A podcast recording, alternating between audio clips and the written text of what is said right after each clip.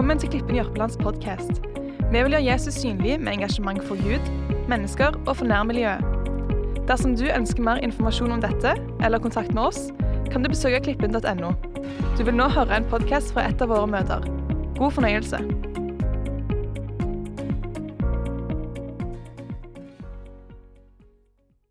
Det er eh, kjekt å komme sammen på møte og gudstjeneste. Selv om det er eh, juli måned og ferietid, så er det godt å ha disse møtene på sommeren her i Klippen. Det er noen spørsmål som vi ofte i livet våre ønsker å på en måte finne svar på. Det er et spørsmål som vi ofte kan stille oss. Eh, hvor, eller hvordan finne det gode liv? Eller eh, hva er det gode liv? Hvilke ingredienser er det som gjør livet meningsfylt og kjekt? Det var eh, Kong Harald han eh, holdt en tale for en del år siden, og det var nyttårstalen. Og Hvis ikke du har hørt den, så vet jeg ikke hvilket år det var. så det er kanskje vanskelig å finne ut hvilket år det er, Men jeg skal allikevel sitere den talen.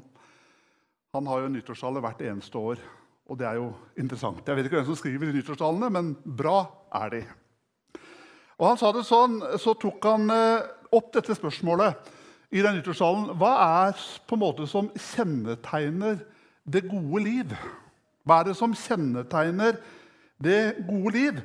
Og han mente at det gode liv kunne like godt være et A4-liv eller et hverdagsliv.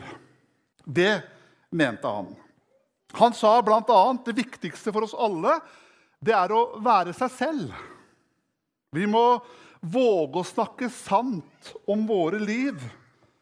Vi må våge å vedstå både våre skavanker og våre svakheter og det vi føler at vi har lykkes med.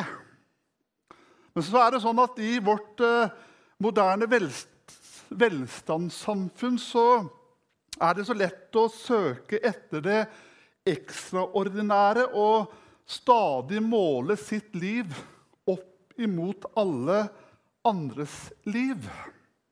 Og da er sjansen for at man blir skuffet, veldig sterkt til stede. Kanskje må vi heller holde fram det hverdagslige A4-livet som det gode liv, som kong Harald sa i denne talen. Samtidig så sier avisoverskriftene at rikdom gir oss ikke større lykke. At nordmenn er ikke blitt lykkere tross oljepenger og velferd. Og så er det da jakten på dette smertefulle, eller det smertefrie og det perfekte livet. Reklamen kan si om dersom eh, du bare gjør de rette tingene, så vil du lykkes. Tenk positivt, så vil din energi på en måte bære deg igjennom. Tro sterkt nok, så har du på en måte seieren. Men det handler om å jakte på gleden. Det er det det handler om. Og hvordan er det vi på en måte jakter på, les, på, på, på gleden? Hvordan finner vi gleden i livet? Og det skal vi lese i Bibelen om. Og i eh, Salme kapittel 1 og vers 1 eh, sier det sånn Salig er den som ikke følger lovløses råd, ikke går på synderes vei og ikke sitter i spotterens sete, men har sin glede i Herrens lov og grunner på Hans lov dag og natt. Han er lik et tre plantet med rennende vann. Det gir frukt i rett tid, og løvet visner ikke. Alt han gjør, skal lykkes. Slik er det ikke med de lovløse. De er lik agner som spres for vinden. Derfor kan ingen skyldige bli stående i dommen, ingen syndere i flokken av rettferdige.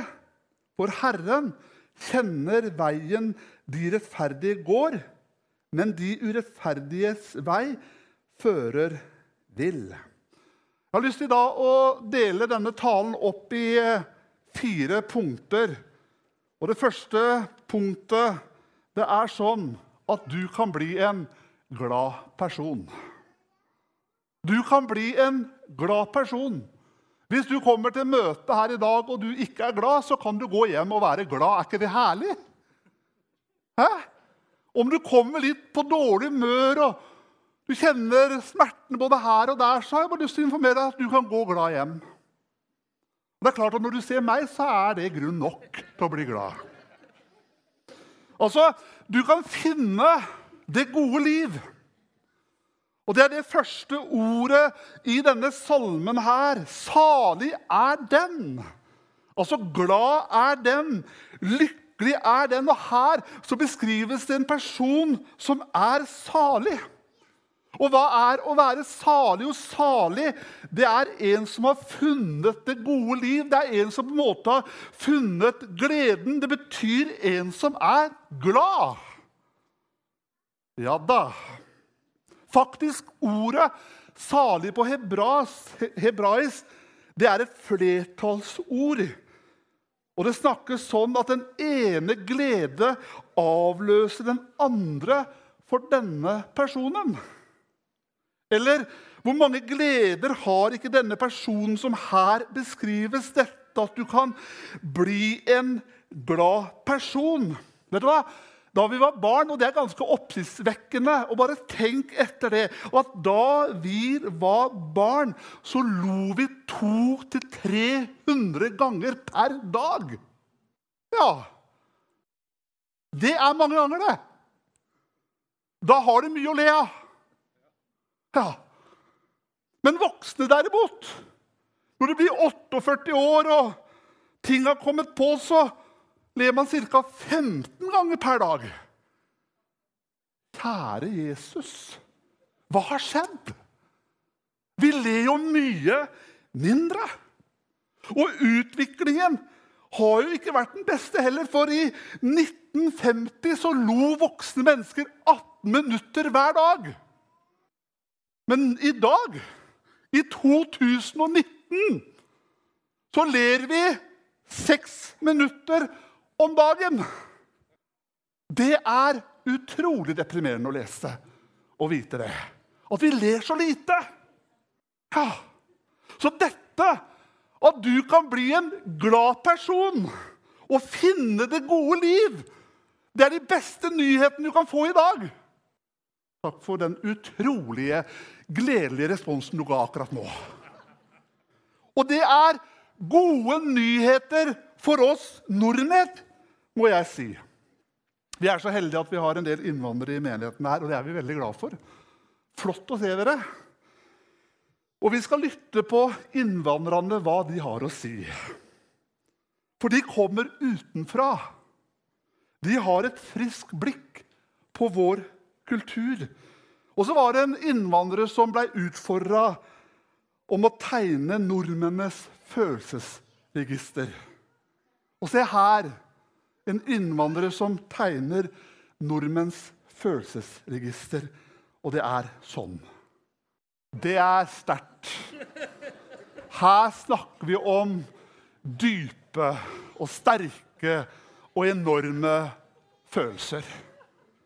Og vet dere hva? Vi er litt sånn. Men derfor har jeg lyst til å si i dag at det er at du kan bli en glad person.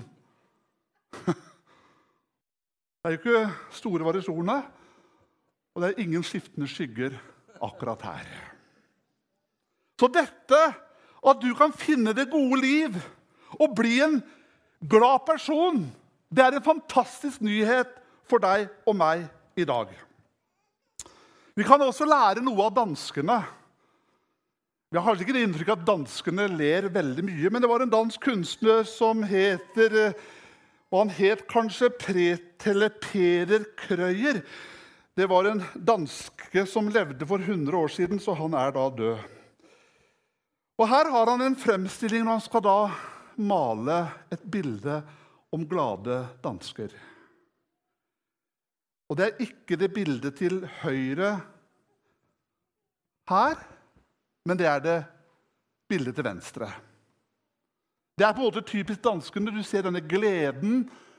Hva de drikker, det vil jeg ikke si. Men de har det bra. Og de har en enorm glede. Og så er det en kunstner, en norsk kunstner som levde samtidig som denne dansken Peder. Og Han het Edvard Munch. Han tegnte det andre bildet, som skulle være det samme temaet. Og der ser du hvordan oss nordmenn ser ut.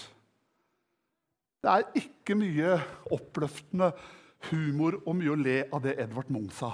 Selv om han sa da om verdens beste by, for han var innom Kragerø en del, han sa at det var perlen blant kystbyene. Så er det også sagt. Så her har vi det danske og det urnorske. Og vet du hva? Det er ennå ikke kjent for meg at det er noen nordmann som har dødd av glede. Det har ikke hendt enda. Så det er bare det å slå fast at ennå er det håp. At du og jeg vi kan bli en glad person. Og så står det i Salmenes bok, i det første verset, 'Salig er den'. Så det finnes en mulighet for oss til å finne det gode liv og finne den gleden som beskrives nettopp her. Hvis du vil finne det gode liv og bli en glad person, da er det noe du ikke må gjøre. Da må du ikke bare følge med strømmen. Det er interessant å se lakser. De på en måte går alltid mot strømmen. For det står at salig er den som ikke følger lovløshetenes råd, ikke går på syndernes vei og ikke sitter i spottenes sete. Så legg merke til én ting, at det er én som stikker seg ut i forhold til mengden. Salig er den. Altså Det er et entallsord. Det er én person. Salig er den. Men så står det også om en mengde. Det er de lovløse, det er syndere, det er spottere, det er mange. Så hvis du vil bli en glad person, så må du ikke følge strømmen. Det betyr at du må ikke danse etter tidens melodi, ikke marsjere etter samtidens trommeslag. Ta ikke etter denne verdens måter og trender. Hvordan er det man da tenker i dagens samfunn da? Ja, hvis man skal bli en glad person og finne det gode liv, hva er denne verdens filosofi? Hva er denne verdens på en måte tankegang? For det første det som kjennetegner syndere og lovløse og spottere, de sier 'glem Gud'. Glem Gud. Og det er på en måte så selvfølgelig at vi nesten ikke på en måte tenker over det, men det ligger i bunnen av alt. Glem Gud. Det finnes jo ingen Gud. Men visste du at det står i Bibelen også det? At det ikke finnes noen Gud? Så nå vet vi det. For det står at dåren i sitt hjerte sier det finnes ingen Gud. Og det er jo slik på en måte det henger sammen at det er dåren som sier at det ikke finnes noen Gud. Noen hevder at Gud og glede er uforenlige størrelser. At de forholder seg til hverandre som ild og vann. Nå har jeg sjekka en del med nyere forskning, og det er en nettside som heter forskning.no. Der er det presentert en studie med 250 studier som på en måte, Hva er det som gjør mennesker glade? Hva er det som på en måte er grunnen til at folk er lykkelige? Og så står det sånn, og Konklusjonen på forskning.no er sånn Religiøse mennesker er lykkeligere. Vi kan si kristne mennesker er lykkeligere. Troende mennesker er lykkeligere. Hva mer har vi funnet ut? Jo, vi får færre sykdommer. Og vi lever lengre enn de andre. Ja. Så tenk, så det å tenke 'glem Gud' det er jo et råd ingen holdt jeg på å si, kommer med i dag, og som ingen i hvert fall skal følge at jeg skal glemme Gud. Nei, vet du hva jeg skal? Jeg skal huske på Gud. Jeg skal aldri glemme Gud. Det er også en annen tenkning som preger vår samtid, og det er på en måte vår tids livsfilosofi. Det er først meg selv. Altså så meg selv. Og jeg er sikker på at Du har sikkert hørt om Whitney Houston. Nå er hun død. Og hun hadde en slager for en del år siden som eh, hette sånn The greatest love of all. Fantastisk engelsk. Bare hør tonen i engelsken. Altså den største kjærlighet av alle. Kanskje det er noen som har hørt den. Jeg har hørt den mange ganger. Jeg elsker Whitney Houston. Og denne sangen her så synger Whitney Houston at den største kjærligheten du kan oppleve, er den kjærligheten du har til deg sjøl. Så derfor elsk deg selv. Hun sier at det er viktig at vi lærer barna våre det også elske seg sjøl. Og så har du også sikkert hørt denne reklamen 'fordi jeg fortjener det'. Glem andre, følg drømmene dine. Og så var jeg også inn på en annen nettside. Den heter psykologisk.no. Og Der er det en forsker som heter Røysam, som sier at nå har det blitt forska på lykke også her. Og det de sier der på psykologisk.no, er at lykkelige mennesker er opptatt av andre. At lykkelige mennesker er opptatt av andre. Og Det var kanskje det som gjorde denne Annie Skau fra Misjonsforbundet, som du kanskje har hørt om.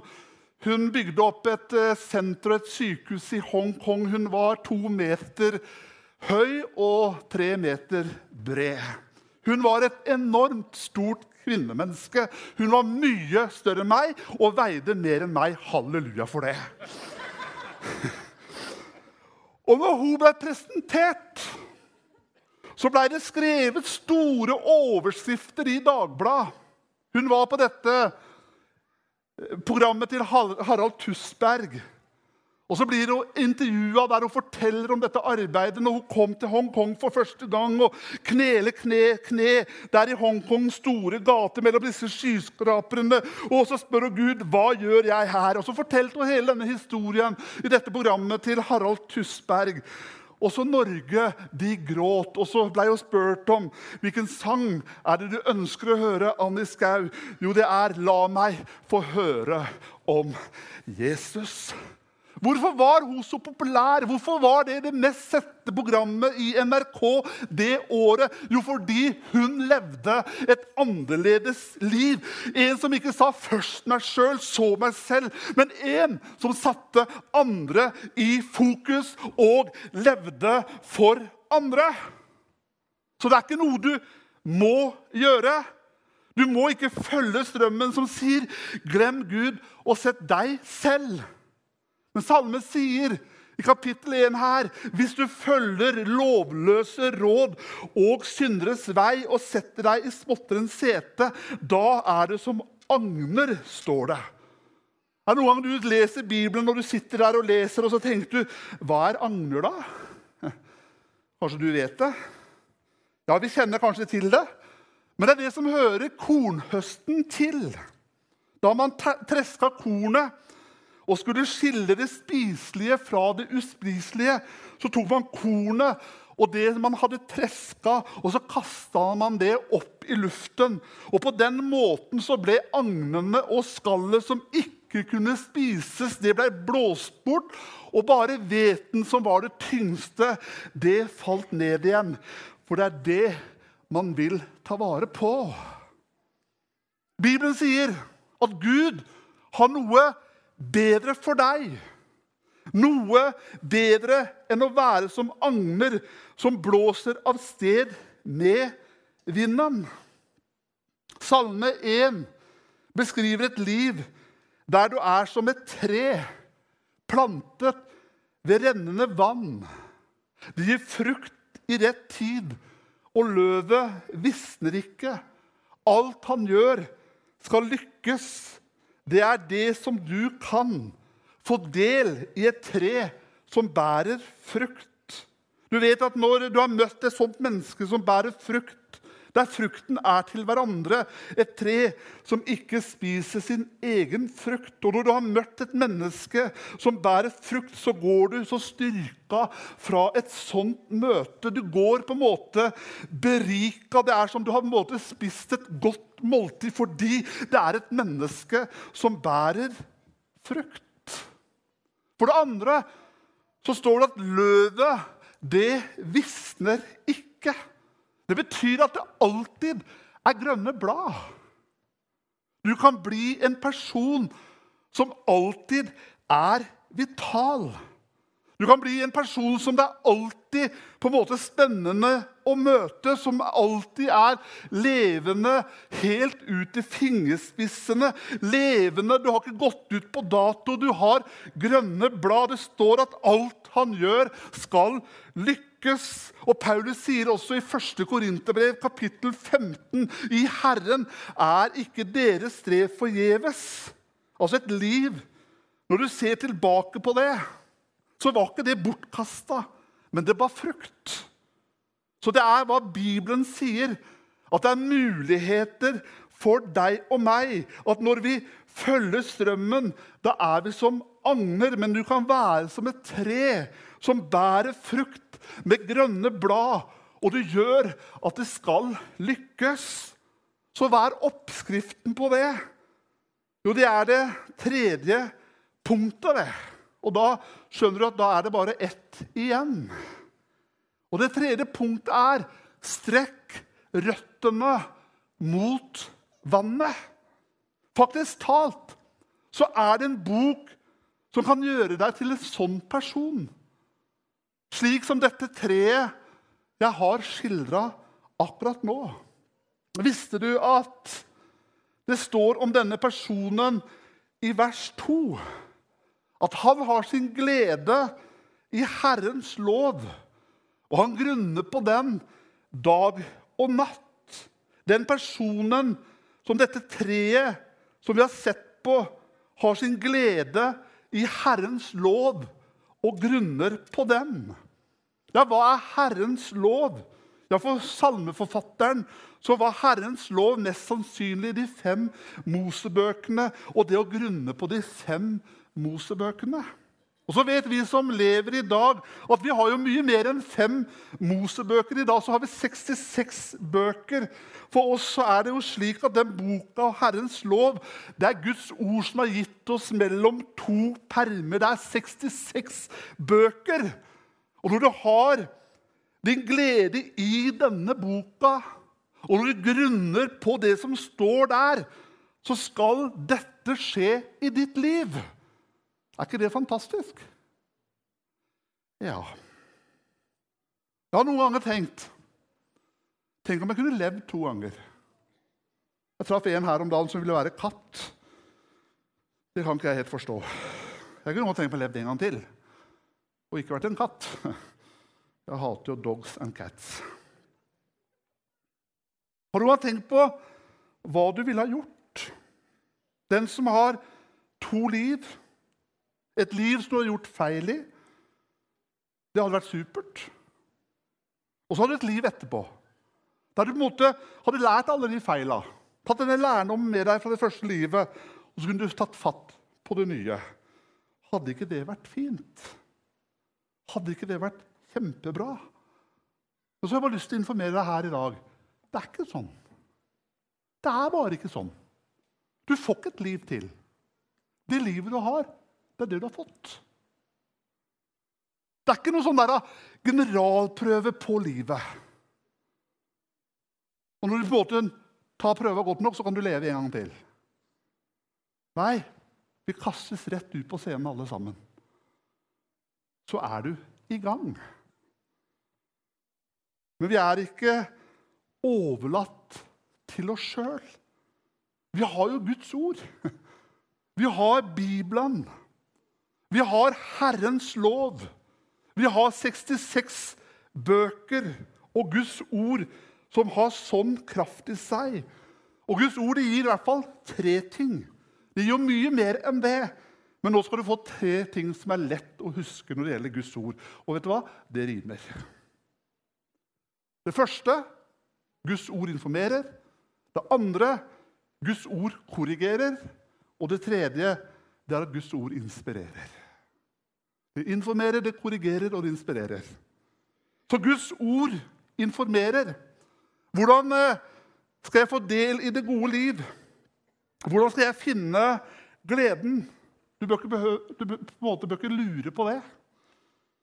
For Guds ord gir deg informasjonen om nettopp dette. Og Hør bare hva det står i 1. Peter 3 og vers 10. Den som vil elske livet og se gode dager, må holde tungen borte fra det som er ondt, og leppene borte fra svikefull tale. Den som vil elske livet og se gode dager Det stopper ikke der. Er det ikke der vi er? Men kan ikke si det vil jeg virkelig. Jeg vil elske livet og se gode dager. Men hør hva Peter sier. Da må du holde tungen borte fra det som er ondt, og leppene borte fra svikefull tale. Og vi kan være ærlige. Han må vende seg bort fra det onde og gjøre det gode, søke fred og jage etter den. Og Det som vi ser her, det er at gleden finner du ikke ved å søke gleden. Det er også interessant når du går inn på psykologisk.no eller på forskning.no. Det er som på en måte som eh, forskerne og vitenskapsmennene, de faglærte, de klatrer oppover på kunnskapens fjell. Og når de kommer til toppen, hva er det de oppdager? Der sitter de som har lest Bibelen. Og de har sittet der hele tida. Og de holder på å finne ut at det er sånn at det er de som virkelig har funnet gleden. Halleluja. At det er måter å finne gleden på. At det å søke livet på er verdens veier ikke fører fram. For du finner ikke gleden ved å søke gleden. Gleden er et biprodukt av noe annet. Gleden er en frukt av det du gjør av det gode. At du lever et liv som er i samklang med det som er Guds vilje, og designer plan for deg. Og Da kommer gleden som en frukt, og det er viktig informasjon. Det er den som lever for andre, som er glad. For det andre så er eh, Guds ord det gir eh, korreksjon, eller det korrigerer. Hvis du er ute av kurs, så vil Guds ord, når du leser Guds ord, når du mediterer på Guds ord, så vil Guds ord hjelpe deg. Det vil hjelpe deg til å komme på rett kurs igjen. Vi kan kanskje ta litt om ekteskapet, for eksempel, og Det er jo alltid interessant å snakke om ekteskapet når kona sitter i salen. Det er noen som sier at ekteskapet er litt som eh, hummerteinene på Sørlandet.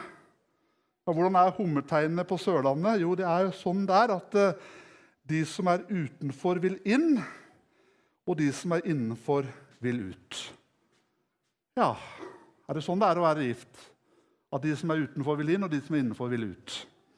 Det er jo sånn kanskje ekteskapet kan være noen ganger, men eh, det er jo heldigvis ikke sånn hele tida.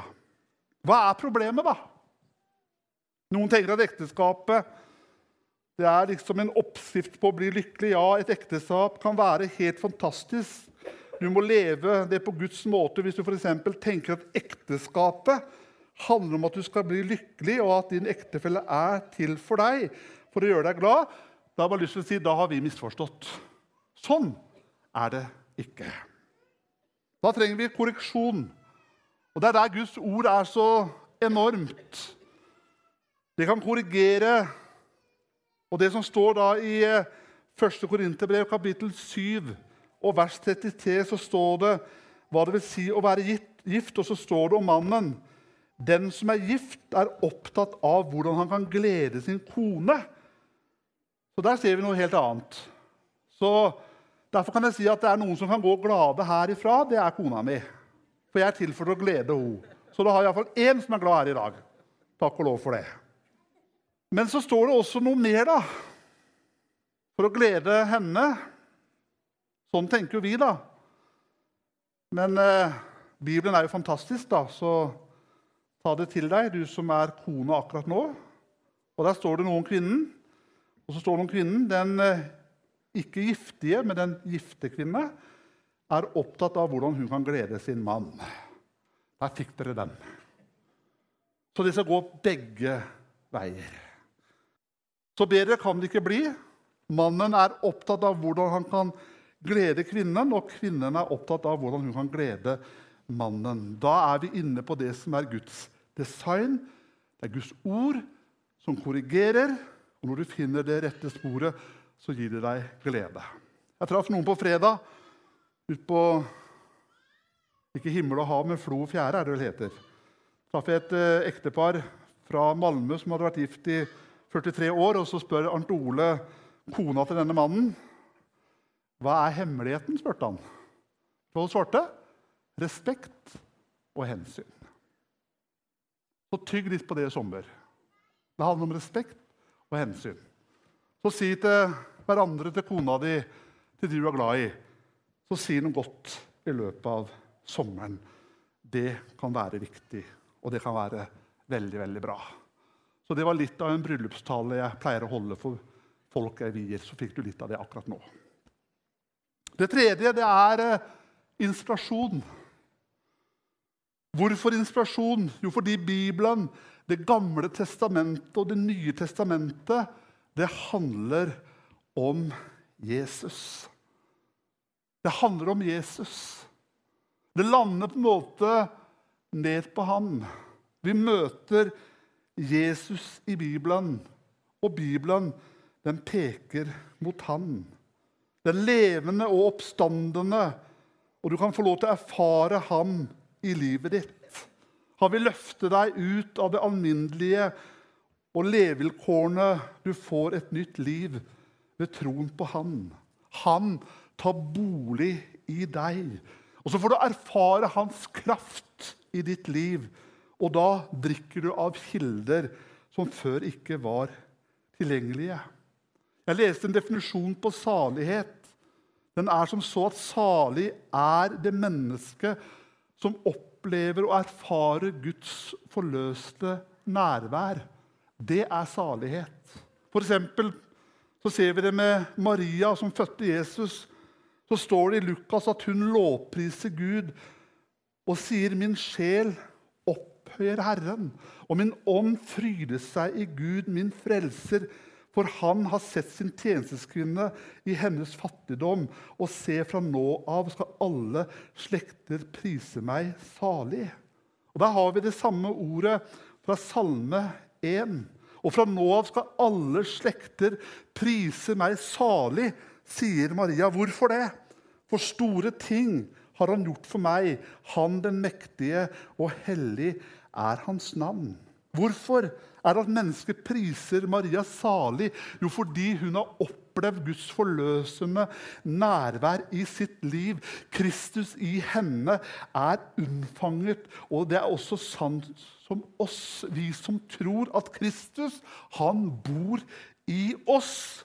Og da er det Bibelen peker mot, og hensikten med Bibelen, at vi skal få erfare samfunnet og fellesskapet med Han. Så på denne måten så strekker du røttene mot vannet. Nå har du din glede i Herrens lov, og så grunner du på Guds ord på evangeliet. Gled deg over evangeliet om Jesus, hvem han er, hva han har gjort for deg, hva han betyr for deg i dag, og at du har hans forløsende nærvær i ditt liv. Og så drikker du av det vannet som Herren gir deg. Det siste punktet jeg har lyst til å si noe om, og det er det gode liv som Herren gir, og den gleden som Han gir, den er robust. Den er robust.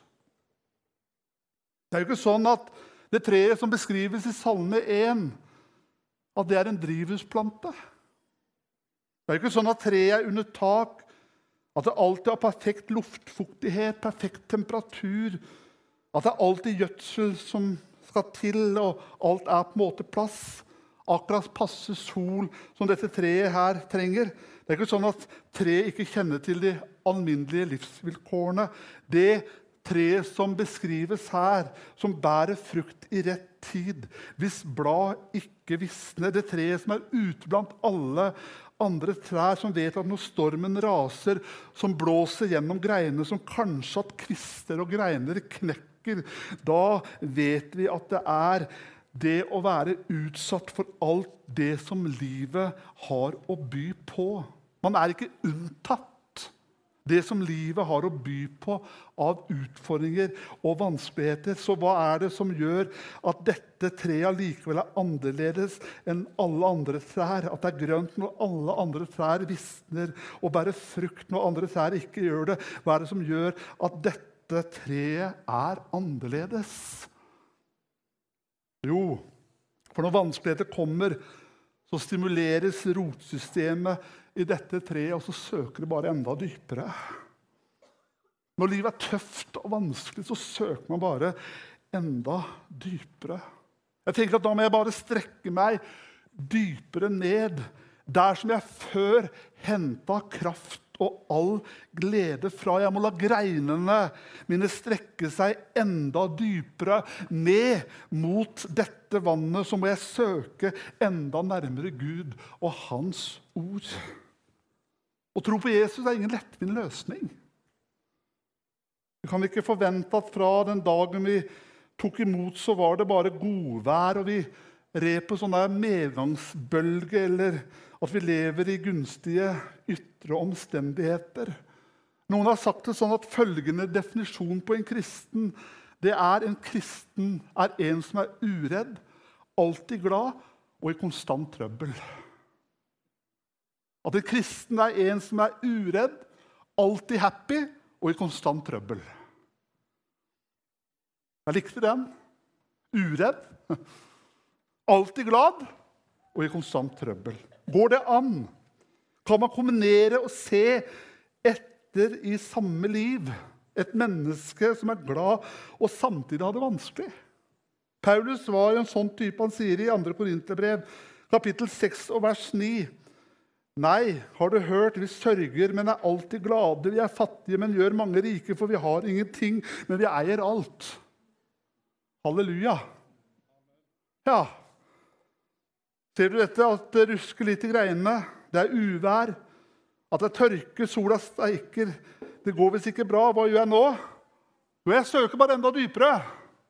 Og så strekker jeg røttene nedover mot bakken nedover mot vannet som gir meg liv.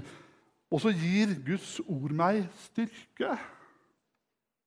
Det står i Habakuk dette, et vers som jeg er veldig glad i. og Det står i kapittel 3 og vers 17.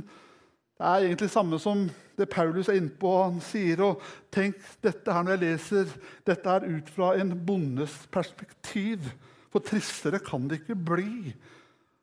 Det er nytrist å lese det jeg leser nå. Og hør på dette. For fiken, treet blomstrer ikke, og vinstokken bærer ikke frukt. Olivenhøsten står feil, åkeren gir ikke mat. Sauene er borte fra kveen, og fjøset er tomt for fe. Da er det kjekt å være bonde. Det er helt komplett umulig. Jeg mener, Det kan jo ikke bli mer kritisk. Men det kan ikke bli tristere sett fra en bondes perspektiv. Men det er så godt at vi kan lese et vers til i samme boka. Og det er profeten og den samme profeten som skriver det. Er det sånn at det står nå at nå vil jeg trekke dyna over hodet? Det er ikke det som står. Nå tar jeg kvelden. Nei, han sier, 'Men jeg vil fryde meg i Herren'. Halleluja. Men jeg vil fryde meg i Herren. Juble i min Gud, min frelser. For Gud, Herren, er min styrke han gir meg føtter som en hind og la meg ferdes på høydene. Og faktisk På hebraisk har jeg lest når det står 'Jeg vil fryde og juble i min Gud, min frelse', så står det 'Jeg vil hoppe av glede i Herren'. 'Jeg vil gå i spinn av fryd for min frelses Gud', selv om alt var tomt. Så ville profeten gjøre det. For gleden er ikke knytta til gunstige ytre omstendigheter Men jeg har søkt den hos ham. Og vi kan få lov til å ha vår tilflukt i Guds ord. Kjære Jesus, takk at vi kan få lov til å komme fram for deg med frimodighet. Takk for at vi har ditt ord, at vi har Bibelen, at vi har den å lese, og at det er styrke for våre liv. Takk at du ser forsamlingen i Klippen i formiddag. Du ser den som trenger å søke enda dypere, enda nærmere til deg. La det bli et sånt møte her i avslutningen der vi kjenner på denne gleden av at vi tilhører deg, at vi er dine barn, at vi har våre navn skrevet i livets bok, at du er med oss alle dager til verdens ende. At du sier at vi kan få lov til å kaste vår bekymring på deg, for du har omsorg for oss. At vi kan få lov til å komme til deg med våre byrder som er tunge å bære. Du sier bare 'kom'. Kom til meg, sier du. Ta mitt åk på dere, og lær av meg. Jeg har bare lyst til å si til deg i dag at du skal få lov til å gå i åk sammen med Jesus. Og når du går og bærer et åk, så er det mange ganger så kan vi oppleve at det er vi som går og bærer det, men du går i åk sammen med Jesus. Det er han som bærer åket for deg. Og Du kan få lov til å legge det av hos han. Jeg ber for deg som er motløs i formiddag. Du som kjenner på motløshet, på mismot. Som kjenner at det er lenge siden du har gleda deg. Det er lenge siden du har opplevd denne dype gleden som Bibelen snakker om. Så skal du få lov til å gjøre som denne krumbøyde kvinnen som har vært i mange år. Der det står at Jesus han eh, gikk bort til denne krumbøyde kvinnen og sa, 'Reis deg. Rett deg opp.' Jeg tror også det er en hilsen til noen her i formiddag. At du kan reise deg. Du kan rette deg opp. Du kan strekke deg oppover, og så kan du kjenne at du blir fylt med en salig glede. Be Jesus om at du er her, og du ser våre liv. Vi reiser oss opp alle sammen, og så skal vi gå inn i avslutningen av møtet vårt. Og så er det forberedere som er her. Vi skal ha litt tid til å be for og med hverandre. Så er du her som kjenner at du ønsker å bli bedt for. Det kan være byrder som du går og bærer på, bekymringer du har, at du er motløs, at du er syk. Så kan du få lov til å komme fram for Jesus i dag. Kanskje ikke det gjelder deg engang. Kanskje du har noen i livet ditt som du ønsker å gå fram for. Det kan være en person, det kan være et menneske du har i ditt liv som du ber og har bedt for i årevis. Kanskje det er den du skal gå fram for i forbønnen, så du kan få lov til å stå sammen med noen andre og be denne bønnen sammen. Her er det åpent. Og du kan få lov til å kjenne på en ny glede og en glede i dag. For Jesus han er i går den samme, ja, til evig tid. Og vi synger Amen. Håper dette budskapet har vært til inspirasjon og veiledning. Flere podkaster finnes på klippen.no og iTunes. Du er hjertelig velkommen til en av våre gudstjenester. Snakkes der.